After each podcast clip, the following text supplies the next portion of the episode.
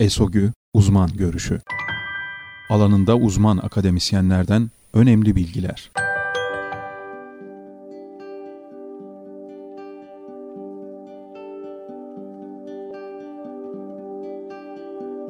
ESOGÜ Sesli yayınının bu haftaki konusu besleyici ve lezzetli yemek tüyoları. Üniversitemiz Turizm Fakültesi öğretim üyesi Doçent Doktor Duran Cankül'ün beslenme ve yemek tüyolarına ilişkin yazısını seslendiriyoruz. Yemek besinsel bir kompozisyondur. Beslenme, vücudumuza ihtiyacı olanı yine ihtiyacı oranında vermektir. Aynı tabakta birçok besin grubu farklı ürünlerde ve miktarlarda bulunur. Dolayısıyla tabak kompozisyonundaki besin ögeleri oranlarının ne kadar olması gerektiği önemli bir sorun haline gelir. Burada ihtiyaçlar ve talepler devreye girmektedir. Belki de beslenme tercihlerindeki ikilemin en yoğun yaşandığı nokta burasıdır. Masadaki bir tabak yemek, içeriği üzerinde alternatiflerin değerlendirildiği, hazırlanması ve pişirilmesi imkanlarının göz önünde bulundurulduğu, emeğin ve ilginin tüm süreçlerde etkili olduğu ve beğeninin, övgünün umulduğu bir planlamanın çıktısıdır. Önemli, kurgusal ve çoğu zaman stresli bir karar verme sürecidir. Her biri rengarenk olan çiçeklerden bir buket hazırlamak gibidir yemek pişirmek. Renklerin ağırlığı, tonları, zıtlıkları ve uyumları buketin bütünsel estetiğini şekillendirir. Yemeklerde de durum farklı değildir. Bir tabak yemek, besin ve lezzet kaynaklarının bir araya toplanmış hali, seçimlerimizin somut sonucudur. Günlük beslenmede önemli ağırlığa sahip protein ve karbonhidrat gibi besin ögelerinin hangi kaynaklardan ne kadar sağlanacağının bilinmesi önemlidir. Hangi gıda, hangi besin ögesine ne oranda içerir? Neredeyse hiçbir gıda türü tek bir besin ögesinden oluşmaz. İçeriğinde farklı besin ögelerini farklı oranlarda barındırır. Örneğin 100 gram bulgur, 69.8 gram karbonhidrat, 12,5 gram protein, 1,5 gram yağ, 40 mg kalsiyum, 3,5 mg demir, 0,40 mg B1 vitamini, 0,04 mg B2 vitamini ve 4,3 mg niakin içerir. Dolayısıyla pilav pişiriminde bulgur ya da pirinç tercihi önem kazanan bir soru haline gelir. Besin tercihi kadar besinlerin nasıl ve ne kadar pişirileceği de önemli bir konudur. Neyi, ne için sorusu cevaplanmalıdır öncelikle. Gıdaların her biri yapısal olarak farklıdır. Etler kendi aralarında aynı değildir. Hatta tavuk etinin bölümleri bile kendi içerisinde farklı dokuda ve kimyadadır. Örneğin göğüs ve kalça kısımlarında bulunan kolajen bağların sıklığı ve yağ oranları değişiktir.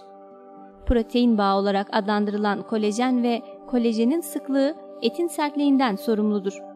Etleri pişirmede bu bağlar göz önünde bulundurulur ve yumuşatarak sindirilebilir hale getirilir. Bitkilerdeki benzer bağlara ise lif denilmektedir. Lifleri de yumuşatarak sindirilebilir hale getiririz. Bitkisel kaynaklarda dokusal sertliğin önemli sebeplerinden biri lif bağlarının sıkılığıdır. Buradaki dokusal özellikler pişirme süresini de etkiler. Bu bilgilerden hareketle paragrafın başındaki soruyu şimdi yanıtlayabiliriz. Gıda nasıl istiyorsa, neye ihtiyaç duyuyorsa öyle pişirelim. Gıdaların besin değerlerini bilmek, onlardan ihtiyacı karşılayacak oransal bir kompozisyon oluşturmak başarıyı garantilemez.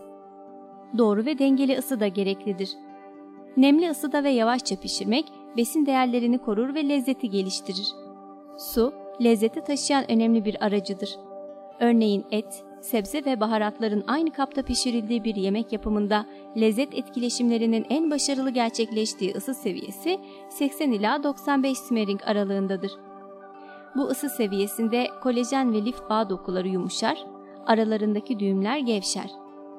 Isı ve lezzetler bu şekilde gıdanın derinlerine ilerleyebilir ve lezzet alışverişi mümkün olur. Bu ısı seviyesinde besin değeri kayıpları da en az seviyededir. Isı seviyesi kontrolsüz yükselirse ve kap içerisinde basınç oluşursa bağ dokuları parçalanır, kırılır, bağlar kendini sıkar, dışarıya kapatır. İçerisindeki suyu dışa verirse de kurur. Basınçlı tencerede pişen yemeklerin lezzet eksikliğinin sebebi budur. Besin tercihi ve pişirme süresi kadar önemli bir başka konu da lezzetlendirmedir. Baharatlar lezzetin detaylarıdır. Lezzet, gıdaların ağzın ön ve arka taraflarında algılanan duysal uyarıcılardır. Bilindiği üzere beyin bilmeceleri sever. Bir lokma yemek de beyne binlerce bilmece sorar. O lokmada uyum varsa, bazı tanıdık hoşlukları barındırıyorsa ya da hatırlatıyorsa beslenme keyfe dönüşür. Bazı aromatik bitkiler ve baharatlar ana ürünün kendi lezzetini zenginleştirmesinde önemli işlev görür. Lezzet, inceli kalınlı seslerin ahengiyle büyülediği bir müzik gibidir. Tek ve en güzel bir notadan ötesidir. Lezzeti inşa etmenin önemli kurallarından biri, rahiyalı, ıtırlı, keskin, acı, tatlı gibi uyarıcılara sahip aromatik bitki ve baharatları tanımak, keşfetmektir. Gıdaları pişirmenin ve lezzeti inşa etmenin birkaç temel unsurundan bahsettik. Besin bilgisi, algısal uyum, ısı seviyesi ve denge. Tarif vermedik. Tarifler, bahsettiğimiz unsurlardan geliştirilmiş sonsuz kombinasyonlardır. Aynı tariften farklı kişiler aynı sonucu alamazlar. Hatta aynı kişi aynı tariften aynı yemeği tekrar yapamaz. Çünkü zamanı, hareketi, ısıyı, dengeyi ve de ilgiyi aynı kılmak mümkün değildir. Yemek yapmak, hazırlama ve pişirme süresinde gıdayı izlemek, onu anlamak, dinlemek, ondan istediklerimiz doğrultusunda ona istediğini vermektir. Bilginiz ve emeğiniz sağlık olsun.